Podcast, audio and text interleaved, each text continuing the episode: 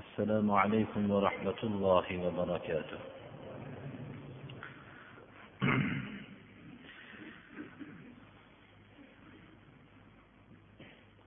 قل أرأيتم ما أنزل الله لكم من رزق فجعلتم منه حراما وحلالا. قل آه الله أذن لكم أم على الله تفترون؟ وما ظن الذين يفترون على الله الكذب يوم القيامة إن الله لذو فضل على الناس ولكن أكثرهم لا يشكرون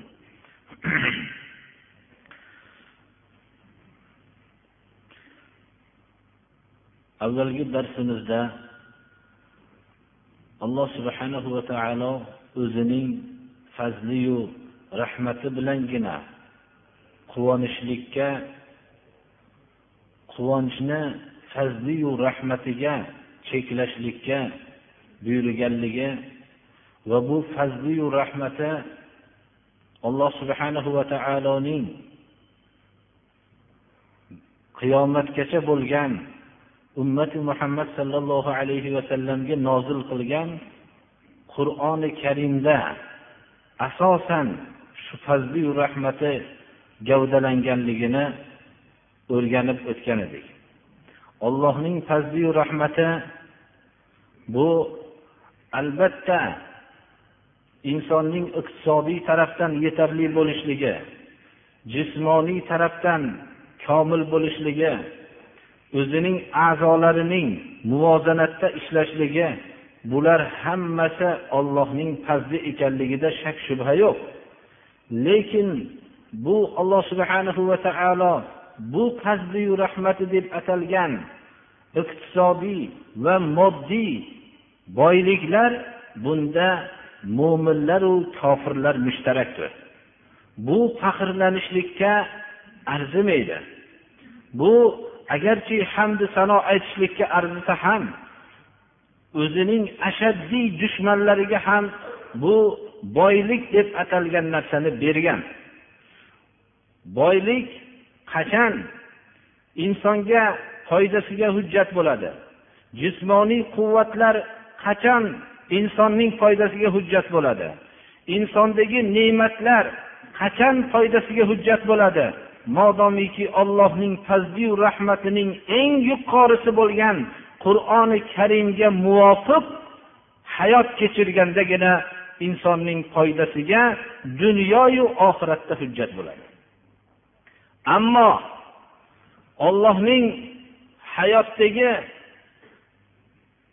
manhaji bo'lgan qur'onga muvofiq bo'lmagan hayotdagi bo'lgan hamma narsa insonning zarariga hujjat bo'ladi. Inson orzu qiladiki bu ne'matlarni bo'lmasligini orzu qiladi.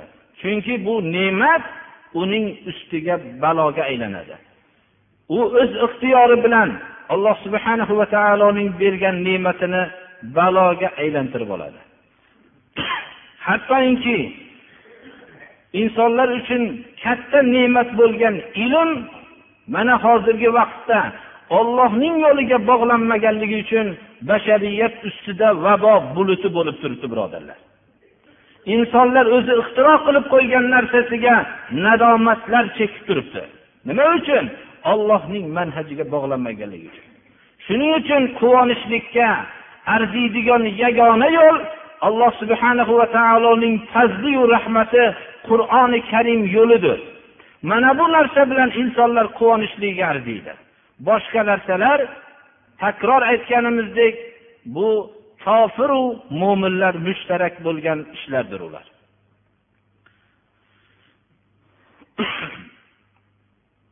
undan tashqari biz alloh subhanahu va taolo tushirgan rizqlar haqida fikrlab ko'rmoqligimiz kerak bu rizqlar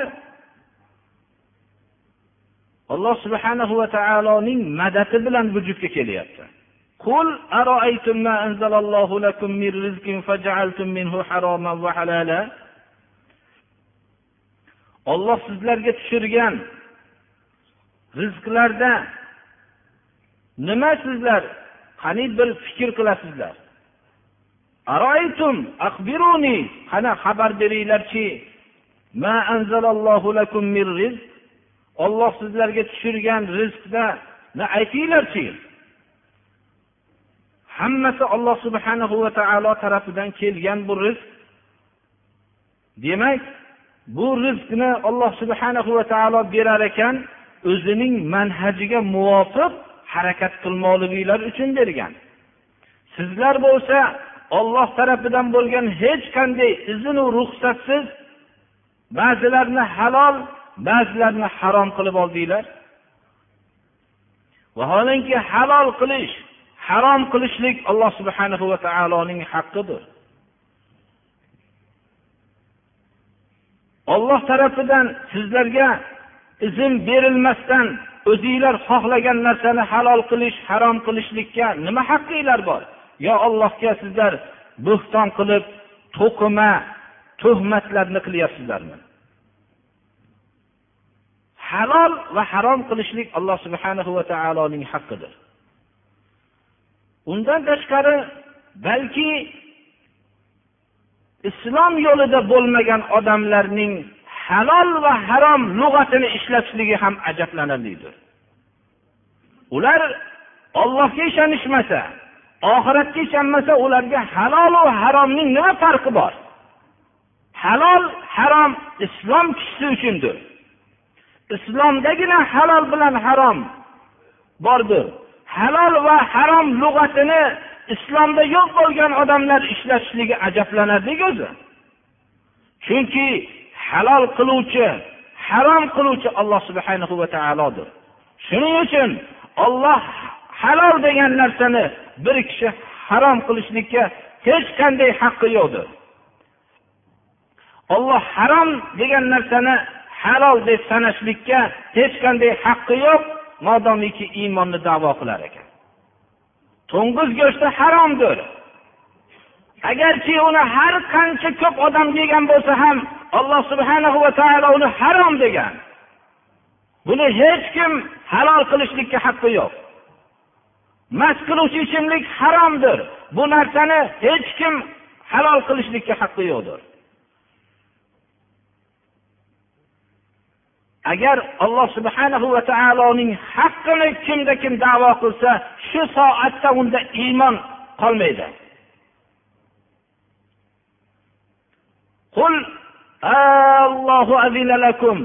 Ayting ey muhammad alayhissalom sizlar xohlagan narsani halol harom qilib olishlikka sizlarga olloh ruxsat berdimi? Yo ollohga bo'xton qilyapsizlarmi? Olloh halol qilmagan narsalarni halol deb olloh harom degan narsalarni o'zinglarcha halol deb ollohga bo'ston qilyapsizlarmi? وما ظن الذين يفترون على الله الكذب يوم القيامة ollohga yolg'onni bo'xton qilib to'qigan odamlarning qiyomat kunida o'zlarining hollarini achinarlik nihoyatda ayanchlik bo'lishligida nima gumoni bor albatta ularning hollari juda ham ayanchlik va achinarli bo'ladi.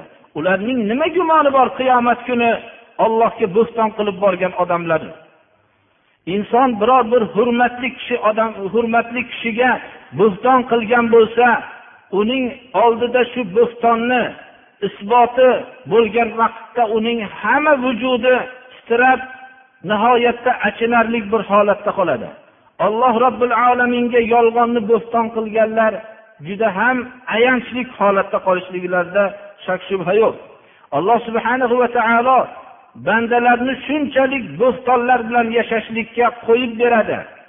Ular hayotda shunchalik bir shu bo'xtondan keyin ham umr kechirishadi. Alloh subhanahu va taolo odamlarga fazl rahmatlikdir lekin odamlarning ko'pi bu fazl rahmatlarga shukur qilishmaydi.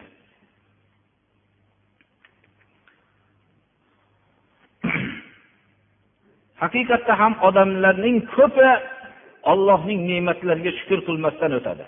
Inson o'zidagi ne'matlarni bilmaydi.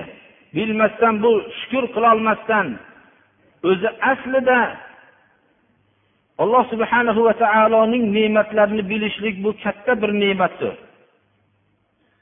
bunga shukur qiladigan bo'lishlik o'zi ham katta ne'matdir shuning uchun inson hech qachon allohni ne'matiga shukur qilmaydi lekin toqatini boricha ham shukur qilmasdan o'tadi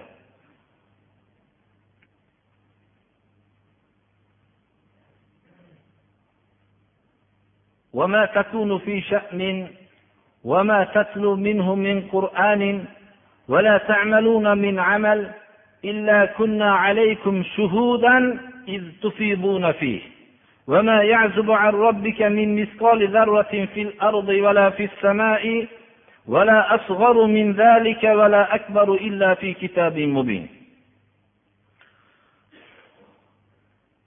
alloh subhanahu va taologa insonlar shukur qilmaydi ollohning sifatlarini ko'p odam muroqaba qilmaydi Avvalo bilmaydi bilsa ollohning sifatlarini ko'z oldiga keltirib hayotini o'tkazmaydi.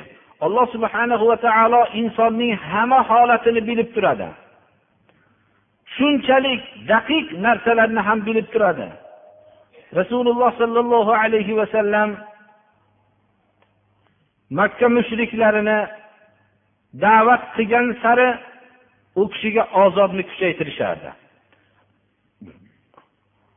Inson ba'zida ollohning do'stlariga yetayotgan qiyinchiliklarni ularga yetayotgan ozorlarni ularga bo'layotgan musibatlarni ko'rib turib dushmanlar shunchalik musibat bergan sari rohat bilan ularning ishlari yurib ketayotganligi botil ahllarining ishlarini yurib ketayotganligini ko'rib insonning hayolida ollohning sifatlari har bir narsani ko'rib turuvchi ekanligi har bir voqealarni ko'rib turuvchi ekanligida insonlarning ko'p e'tiqodli bo'lganlari ham hayollariga bir shakka o'xshagan narsa kelib qolishi mumkin. Mana bu narsada rasululloh sollallohu alayhi vasallam ozorni eng ko'p da'vat yo'lida kechirgan zot. Alloh subhana va taolo bu holatlarning hammasini bilib turganligini va o'zining himoyasida ekanligini olloh bildiryapti. Bu alloh subhana va taoloning o'zini hikmatiki o'zining do'stlarini huzuriga gunohlardan pok bo'lib borishligini o'zi xohlaganligi bo'lsa kerak vallohu alam.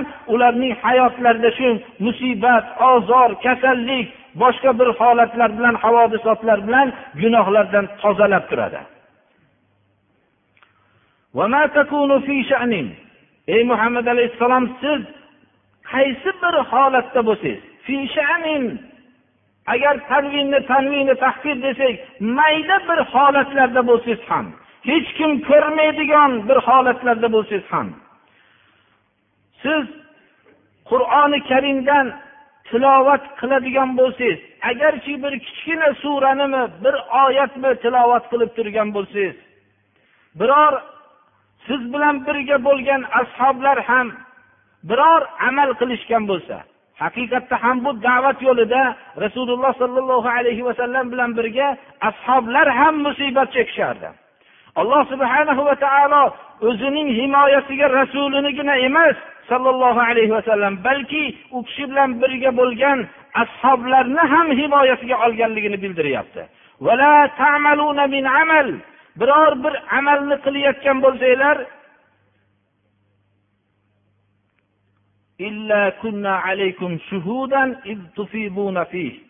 biz sizlarni ustinglarda hozir bo'lib turibmiz deydi alloh taolo. Shu narsaga tezda sho'ng'iyotgan vaqtinglarda shu narsaga tezda sizlar shu amalda yurib turgan vaqtinglarda biz hozir bo'lib shu narsani ko'rib turibmiz. Rasululloh sollallohu alayhi vasallam va ashoblar mana shunday iymon edilar ular ehson maqomiga chiqishgan edilar ollohni ko'rib turgandek ibodat qilishardilar. Olloh ko'rib turibdi bizni degandek ibodat qilishardilar. Hatto hiro g'orida g'ori savrda g'ori savrda rasululloh sollallohu alayhi vasallam makkadan madinaga hijrat qilib ketayotganlarida abu bakr roziyallohu anhu bilan savr g'origa kirib bekinib turdilar. Shunda mushriklar izma iz kelishdi. Alloh subhanahu va taolo o'zining himoyasiga oldi. O'rgimchak shu zahoti ularni pardaladi. Mushriklar pastga oyoqlariga qarashligi bilan rasululloh sollallohu alayhi vasallam va abu bakr roziyallohu anhuni ko'radigan holatga kelishdi. Tovushlari eshitildi. Abu bakr roziyallohu anhu qo'rqdilar. O'zlaridan emas muhammad alayhissalomning ustida qo'rqdilarda da'vatning to'xtab qolishligidan tashvishda bo'lib ko'zlari yoshlandi. Shunda rasululloh sollallohu alayhi vasallam yo abu bakr allohu dedilar. ey abu bakr uchinchisi olloh bo'lgan ikki kishida nima gumoning bor najot topishlikda shak shubha yo'q dedilar alloh subhanahu va taolo shunday himoyada har bir holatda bilib turganligini har doim o'zini do'stlariga hayotda bildirgan birodarlar وما يعزب عن ربك من مثقال ذرة في الأرض ولا في السماء robbingizdan yerdagi zarra vazminligicha narsa g'oyib bo'lmaydi. Xoh yerda bo'lsin xoh osmonda bo'lsin biror bir zarracha narsa g'oyib bo'lmaydi balki zarradan kichikroq zarradan kattaroq narsa ham g'oyib bo'lmaydi. Magar ollohning ilmida ochiq ilmida isbot bor barqaror bo'lib turadi.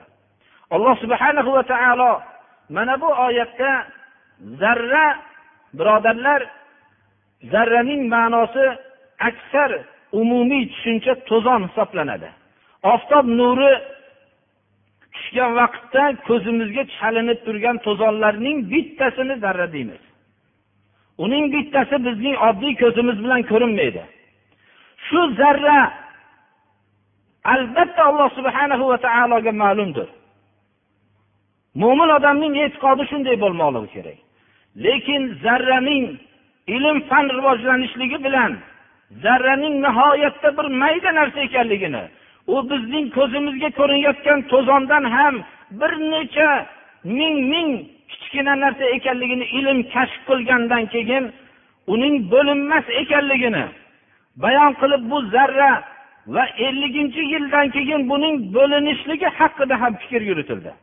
U ham bo'linishligi ma'lum bo'ldi hozirgi fan olimlariga. Odamlarning shart bilan yashatishlikka holatida emas balki qur'oni karim zarra miqdoridagi bo'lgan narsa zarradan kichikroq deb qur'oni karim zarraning bo'linishligiga vallohu alam ishora qilib ketyapti. alloh subhanahu va taologa bu ma'lum ollohdan g'oyib emas bu narsa mana bu bilan qur'oni karim hamma ilmlardan bu ilgari ekanligini chunki bu kashf qilinayotgan moddalarni yaratgan zot tarafidan kelganligini isbotidir سنريهم آياتنا في الآفاق وفي أنفسهم biz o'zimizning o'zimizga dalolat qiluvchi alomatlarni kelajakda ko'rsataveramiz. Ular ufqlardagi koinotdagi sirlarni va odamlarning ichki a'zolaridagi sirlarni ko'rsataveramiz. Hatto qur'onni ollohning yo'lini haq ekanligi ravshan bo'lguncha. ألا إن أولياء الله لا خوف عليهم ولا هم يحزنون. إنسان shunchalik zarracha va zarradan kichikroq narsalarning alloh subhanahu va taologa ma'lum bo'lib turgan soatini bilganda insonning qalbi titray boshlaydi. Inson o'zining ko'z oldiga zarra emas tog'lar ham kichiklik qiladigan gunohlarni ko'z oldiga keltiradi. U gunohlarning ollohga ma'lum bo'lib turganligini ko'z oldiga keltirsa insonni titrov ola boshlaydi. Alloh subhanahu va taolo mana bu holatni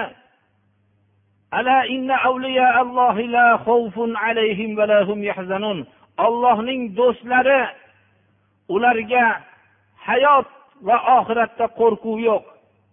Ular dunyoda va oxiratda g'amginmas ollohning do'stlari avliyolari hech qachon ularga dunyoyu oxiratda tashvish bo'lmaydi. Ular kimlar?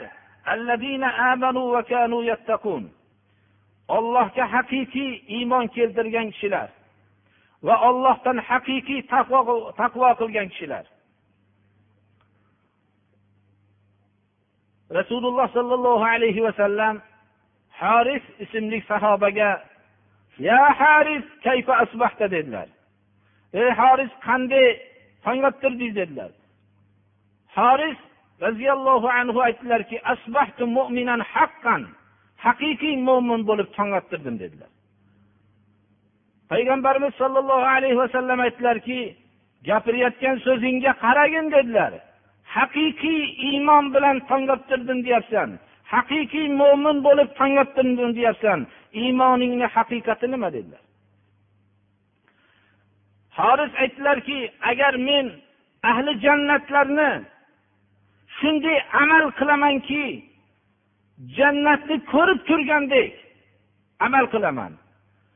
Ko'z oldimda ahli jannat ne'matlarga g'arq bo'layotganligini ko'rish darajasida amal qilaman. Jahannamni odamlarning faryodlarini eshitib ko'rib turgandek darajada amal qilaman dedilar. Payg'ambarimiz sollallohu alayhi vasallam iymonning haqiqati sizga haqiqatiga musharrab bo'libsiz mahkam ushlang dedilar. Iymonning haqiqati birodarlar inson yaxshi amal qilayotgandagi ixlosi jannatni ko'rib turgandek amal qilmoqlik va gunoh amallarning ro'barosiga kelganda jahannamni ko'rib turgandek bu gunohdan tiyilishlikdir. Mana bunday iymonli kishilar ollohning avliyolaridir ollohning do'stlaridir. Bularga har qanday ustlariga qo'rquv kelganda ham ular jahannamdagi dahshatni ko'rib bu qo'rquvlarni zarracha da'vat yo'lida to'xtatmaydilar. Har qanday ne'mat bilan uning haqiqat yo'lidan aldanmoqchi bo'lgan odamlarga jannatning ne'matlarini ko'rib turganday bo'lib unday ne'matlarga aldanmaydilar. Ular qo'llaridan ketgan ne'matlarga dunyoda g'amgin bo'lishmaydilar chunki ularning mislsiz ne'mat kutib turganligini bilishadilar. Ollohning avliyolari shular. Ollohning avliyolari birodarlar islomdagi soxta bo'lib olgan o'zini darveshga o'xshatib o'zining birovlarga yuk qilib ulardan tamomiy butun hech qanday o'zida biror bir hayot ne'matlarini o'zini qo'li bilan topmasdan birovlarga yuk bo'lib yashagan farzandlar tarbiyasidan xalqlarning tarbiyasidan odamlardan ularning zalolatlariga achinmasdan o'zini chetga olgan kishilar emas birodarlar. Agar shunday ish afzal bo'lganda rasululloh sollallohu alayhi vasallam va ashoblar shu ishni qilgan bo'lishardilar. Yaxshilikka sahobalardan ko'ra shoshiluvchiroq kishilar yo'qdir.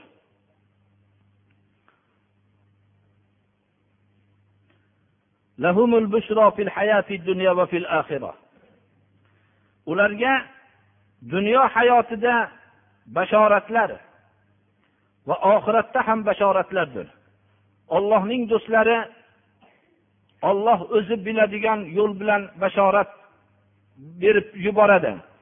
Xususan jon taslim qilishayotganlarda ular alloh subhanahu va taolo tarafidan bashorat xursandlik qo'rquv yo'q sizlarga. Biz sizlarning do'stlarimiz do'stlaringlarmiz deb maloikalar tarafidan xitoblar eshitib jon taslim qilishadilar.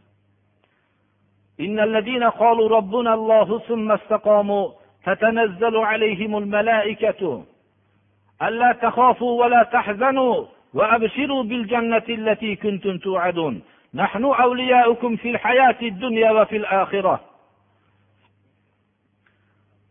ولكم فيها ما تشتهي أنفسكم ولكم فيها ما تدعون نزلا من غفور رحيم mana bu narsani alloh subhanahu va taolo tarafidan bo'lgan bashoratlarning bittasidir rabbimiz olloh deb bu e'tiqodida istiqomatda umrining oxirigacha mustahkam e'tiqodotda o'tib ketgan kishilarga maloikalar saf saf bo'lib turishib ularga oldiga tushishadida qo'rqmanglar g'amgin bo'lmanglar endi va'da qilingan jannat bilan quvoninglar. Biz sizlarning dunyoda ham do'stinglar edik endi oxiratda ham do'stinglarmiz. Endi qalbinglar nafsinglar nimani ishtiho qilsa sizlarga hozirlangan. Nima narsani talab qilsanglar bu narsalar sizlarga hozirlangan. Bu bir oddiy mehmondo'st odam tarafidan emas bu rahmdil mehribon sizlarning to'g'ri yo'ldan chiqmaslikka shu to'g'ri yo'ldan chiqmasliginglarga rahm qilib yo'linglarda istiqomatda shular yurishliginglarga o'zi quvvat bergan mehribon rab subhanahu va taolo tarafidan ziyofatdir sizlarga degan bashoratni eshitib jon taslim qilishadilar. Inson bir joyga kelayotganda u joy agarki oddiy bo'lsa ham uning kutib olayotgan odamlar muborakbod qilib uni ikki tarafda saf bo'lib uni kutayotganda joyining qanday bo'lishligidan qat'iy nazar qanchalik quvonadi. Inson bunda quvonch uni qalbiga bo'ladi. Alloh subhana va taoloning huzuriga ketyapti. U ziyofatxona jannat ziyofatxonasi ko'z ko'rmagan quloq eshitmagan insonning hayoliga kelmagan ne'matlar bilan hozirlangan o'rin mana bu joyga ketayotganda uning kutib olayotganlar oddiy insonlar emas. Ular hammasi olloh tarafidan muborak bo'lgan mukarram bo'lgan maloikalar ularni kutib olishligidaqa katta bashorat bo'lmasa kerak.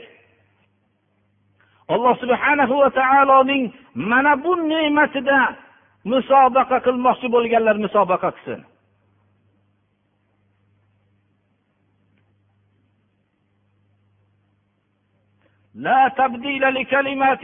Ollohning so'zi o'zgartirilmaydi. Ollohning so'zi ikkita bo'lmaydi. Gap bitta endi. Mana shu olloh subhana va taoloning bashoratidir.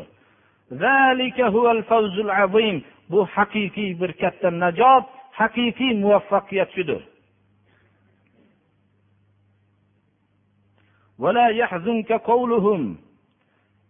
muhammad alayhissalomni har xil bo'xtonlar qilishardi. Har xil tuhmatlar qilishardi. U kishiga hech bir yomon insonga qo'yilmagan nomlar bilan nomlashardi. Aynigan deyishardi sehrgar deyishardi shoir deyishardi. Bu rasululloh sollallohu alayhi vasallam abu kabisha ismli ayolning abu kabishaning ayoli halima ismli halimatu sadiya yoshliklarida tarbiyalangan joyda shu yerda halimatu sadiya tarafidan emizilgan edilar. Arablar o'zlarining uylarida tarbiya qilishmasdiki shaharda o'sgan bola azimati qasdi sust bo'lib qoladi deb sahroda o'stirishardilar. Shuning uchun balki erki ham bo'lib qoladi ota onasini oldida deb sahroda o'stirishlik arab xalqlarining odati edi. Rasululloh sollallohu alayhi vasallam tug'ilibganlarda halimatu sadiya bu kishining bu ayolning kuyovi abu kabsha edi.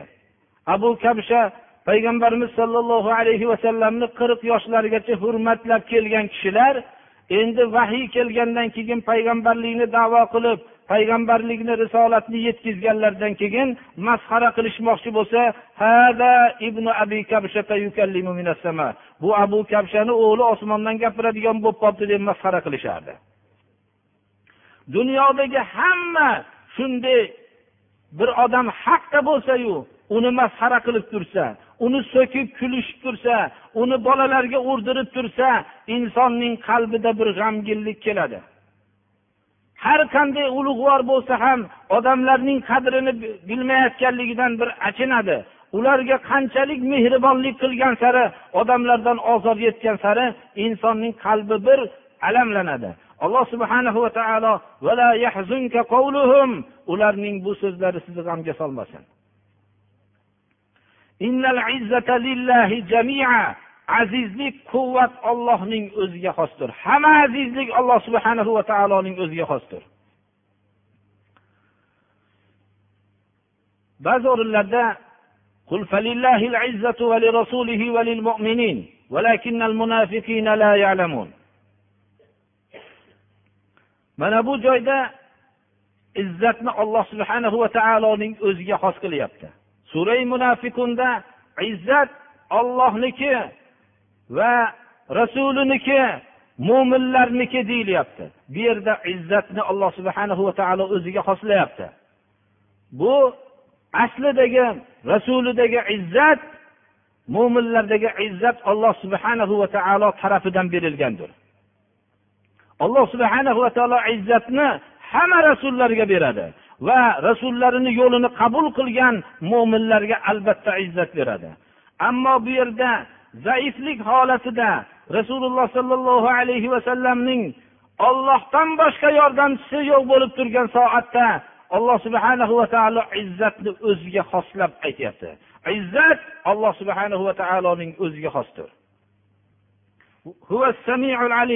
Olloh sizni so'zlaringizni va siz bilan birga bo'lgan sahobalarning so'zlarini eshitib turuvchi va ularning ahvollarini bilib turuvchidir. Birga bir razo haqida savol qildi bir bola o'zini xolasini go'daylik vaqtida ko'ksidan sut emib qo'ygan bo'lsa shunda ya'ni xolasini sutini emgan bo'lsa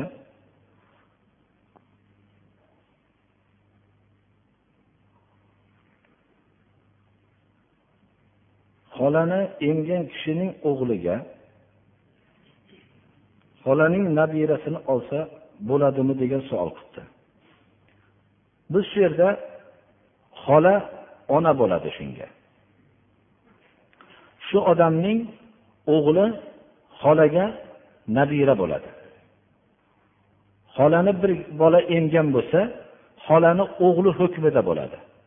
Va shu o'g'li bo'lgandan keyin buni o'g'li nabirasi bo'ladi.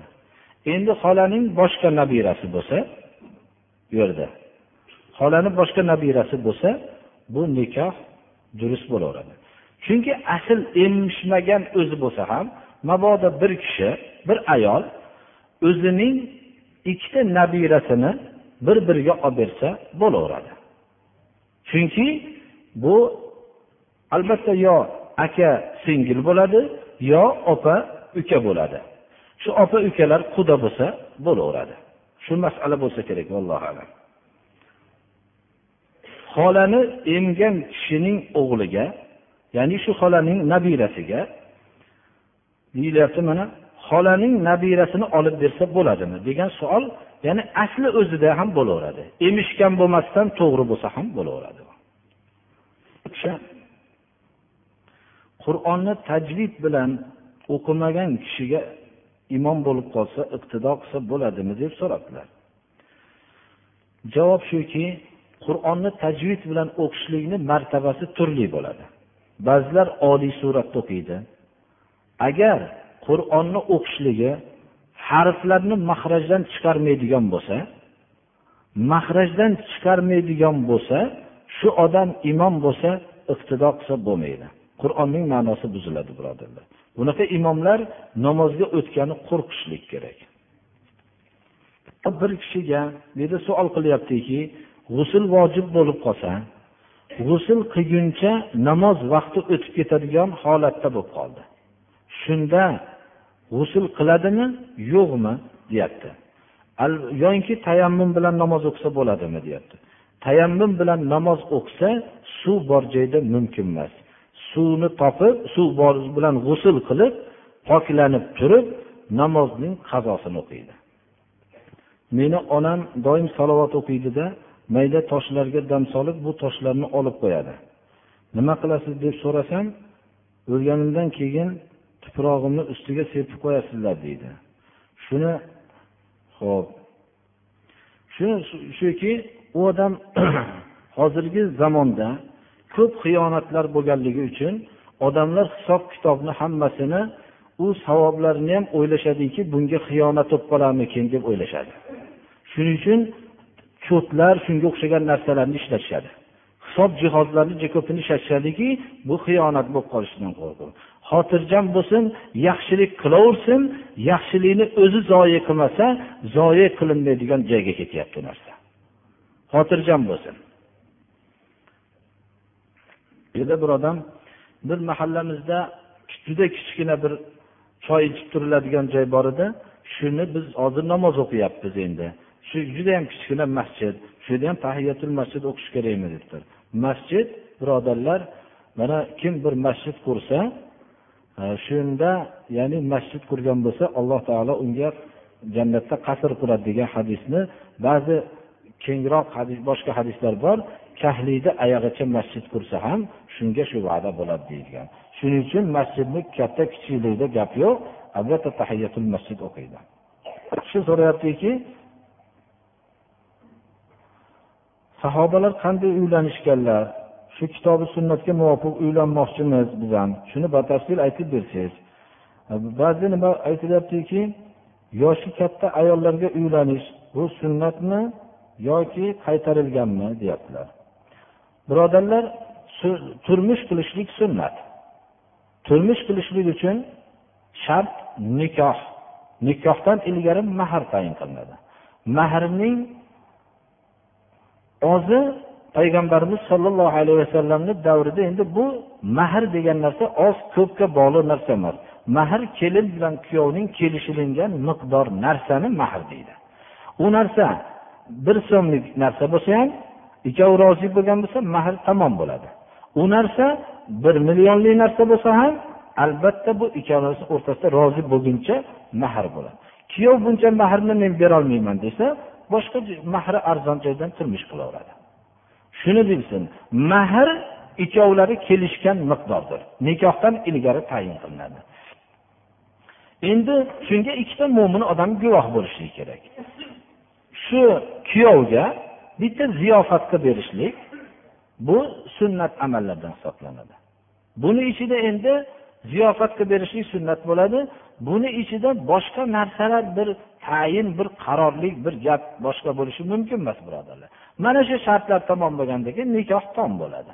Endi bir odam qo'y so'yib ziyofat qilsin mol so'yib ziyofat qilsin u ixtiyor o'zida. Endi bir odam turmush qilmoqchi turmush qilmoqchi bo'lgan narsa bu rag'batga bog'lanadi.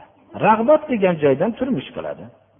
Albatta rag'bat bo'lmaguncha turmush vujudga kelmaydi.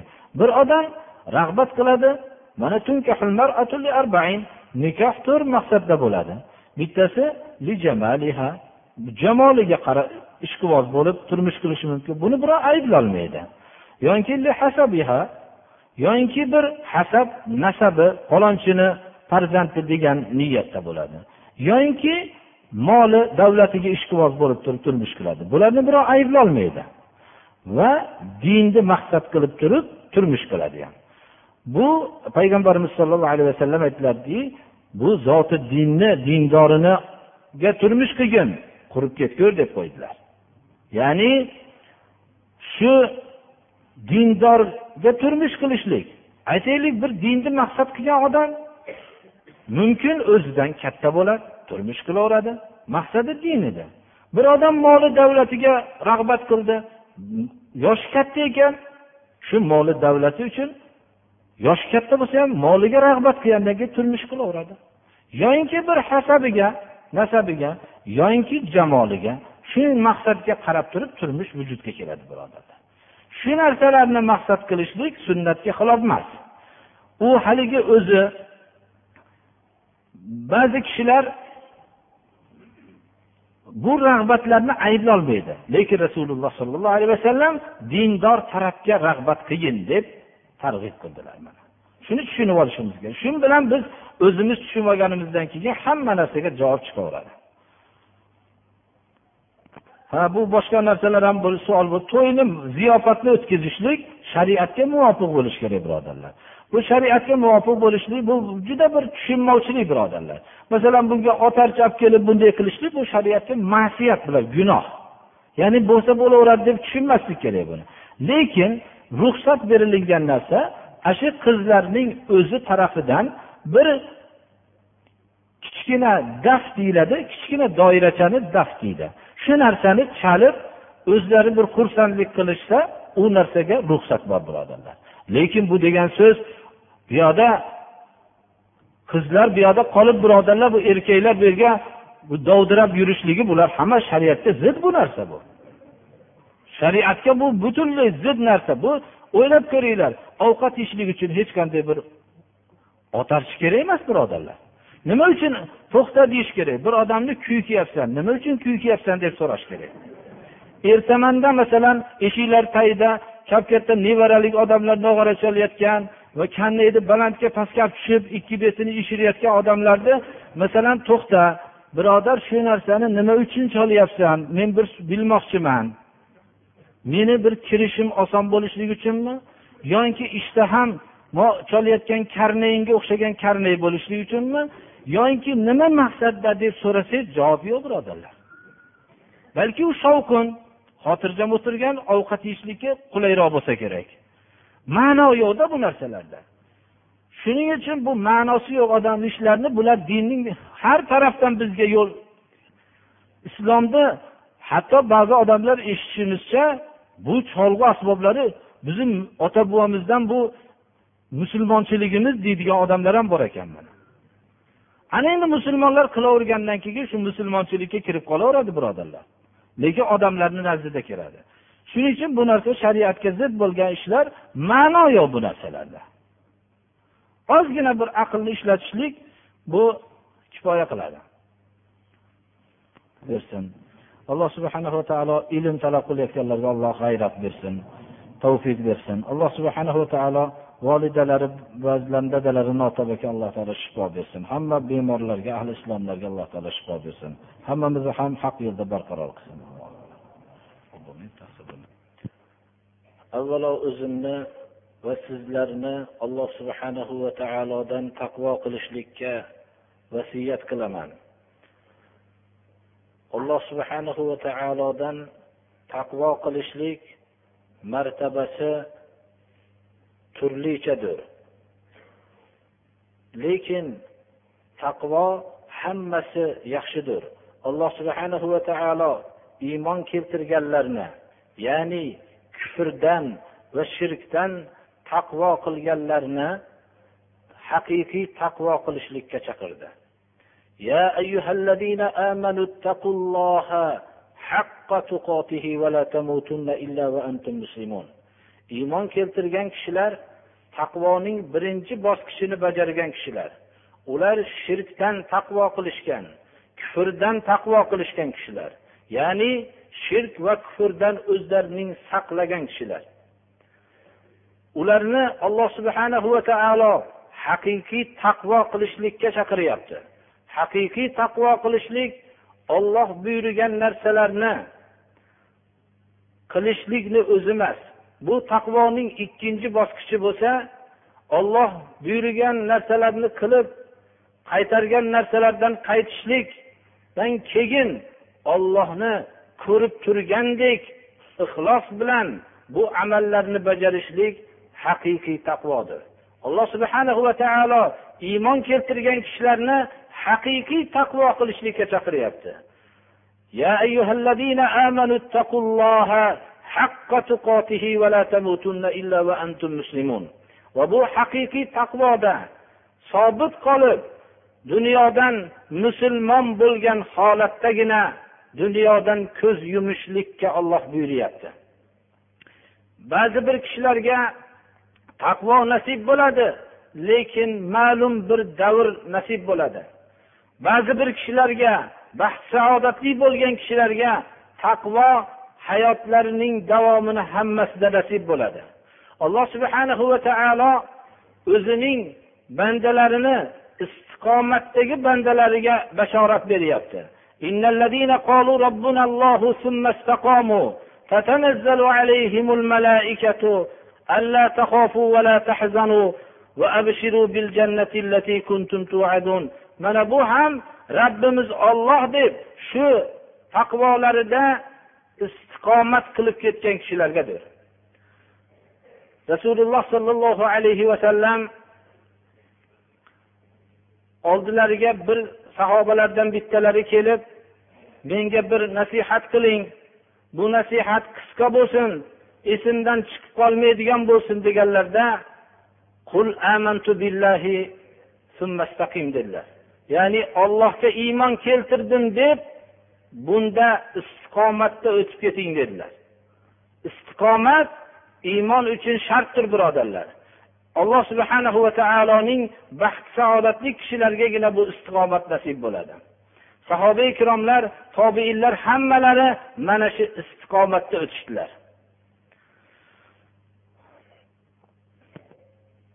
Mo'minlarni haqiqiy taqvoga buyurur ekan bularni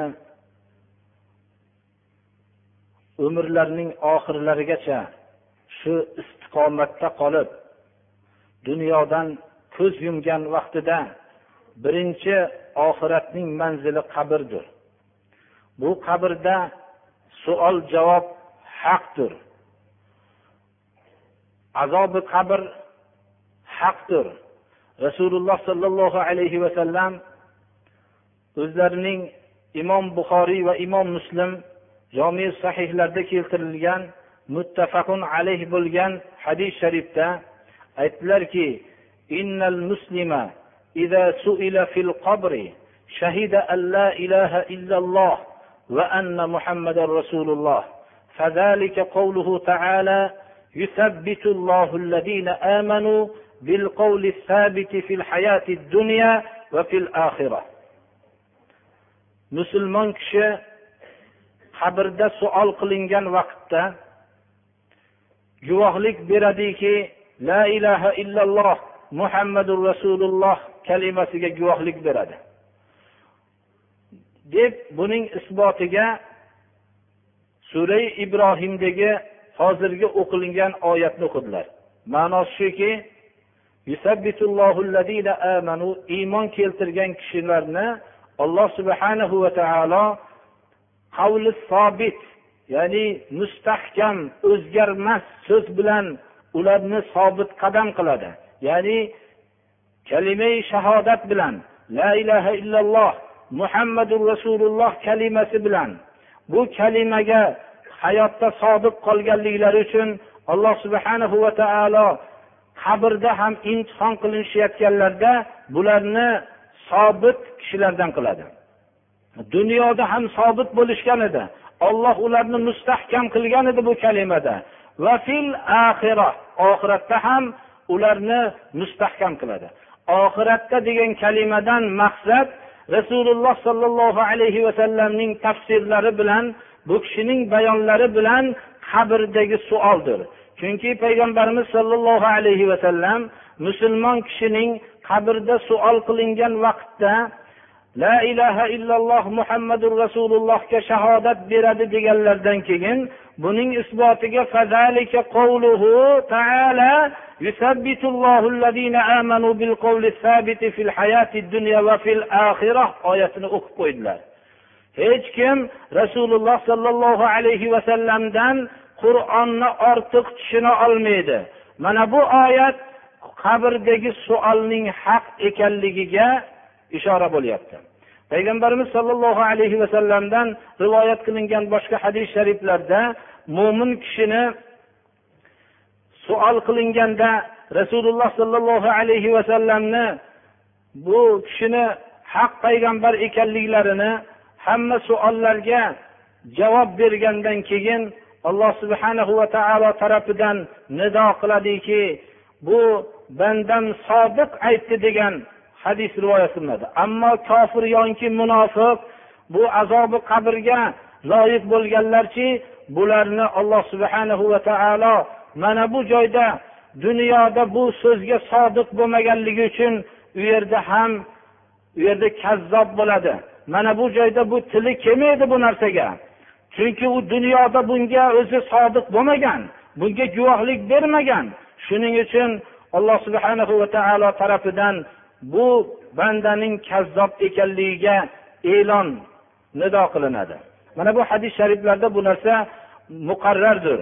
alloh subhanahu va taolo hammamizni ham dunyoda ham shu kalimaga sodiq qilsin oxiratda ham shu kalimaga sodiq qilsin rasululloh sollallohu alayhi vasallam juma kunida ko'p menga salovat aytinglar dedilar إن الله وملائكته يصلون على النبي يا أيها الذين آمنوا صلوا عليه وسلموا تسليما اللهم صل على عبدك ورسولك محمد النبي الهاشمي الأوفى وارض اللهم عن الأربعة الخلفاء والسادة الحنفاء أبي بكر وعمر وعثمان وعلي وعن سائر الصحابة أهل الصدق والوفاء وعن التابعين بإحسان ولطريقته مقتفى وعنا بعفوك وكرمك يا خير من تجاوز وعفا. اللهم أعز الإسلام والمسلمين وأذل الشرك والمشركين واحم حوزة الدين. اللهم ألف بين قلوب المؤمنين في المشارق والمغارب واجمع كلمتهم. اللهم عليك أعداءك أعداء هذا الدين. اللهم أهلك الكفرة الذين يكذبون رسلك ويصدون عن سبيلك ويقاتلون أولياءك.